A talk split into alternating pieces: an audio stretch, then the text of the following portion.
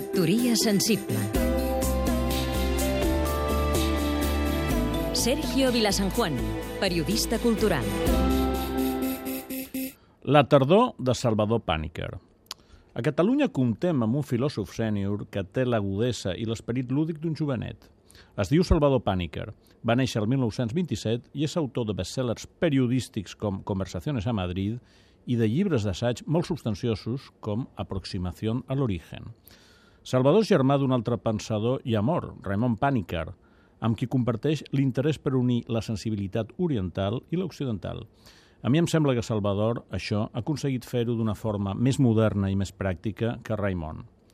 Salvador es va inventar fa unes dècades el terme retroprogressiu per animar-nos a aprofundir en les nostres arrels espirituals alhora que ens integrem a un univers cada vegada més tecnificat i complex.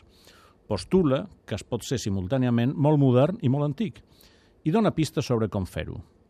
Ara acaba de publicar Diario de Otoño, que recull les seves vivències dels anys 1996 al 1999. Combina reflexions teòriques amb apunts de viatges, gastronomia, amistat, erotisme, i alhora apareix també l'experiència dolorosa que provoca la malaltia i la mort de la seva filla Mònica. Paniker és un escriptor original i fora de registre, que ens incita a desconfiar de tota mena de credos, ideologies i religions i a que ens en fem, cada un els nostres, totalment a mida. I tan sols per això ja val la pena llegir-lo. Factoria sensible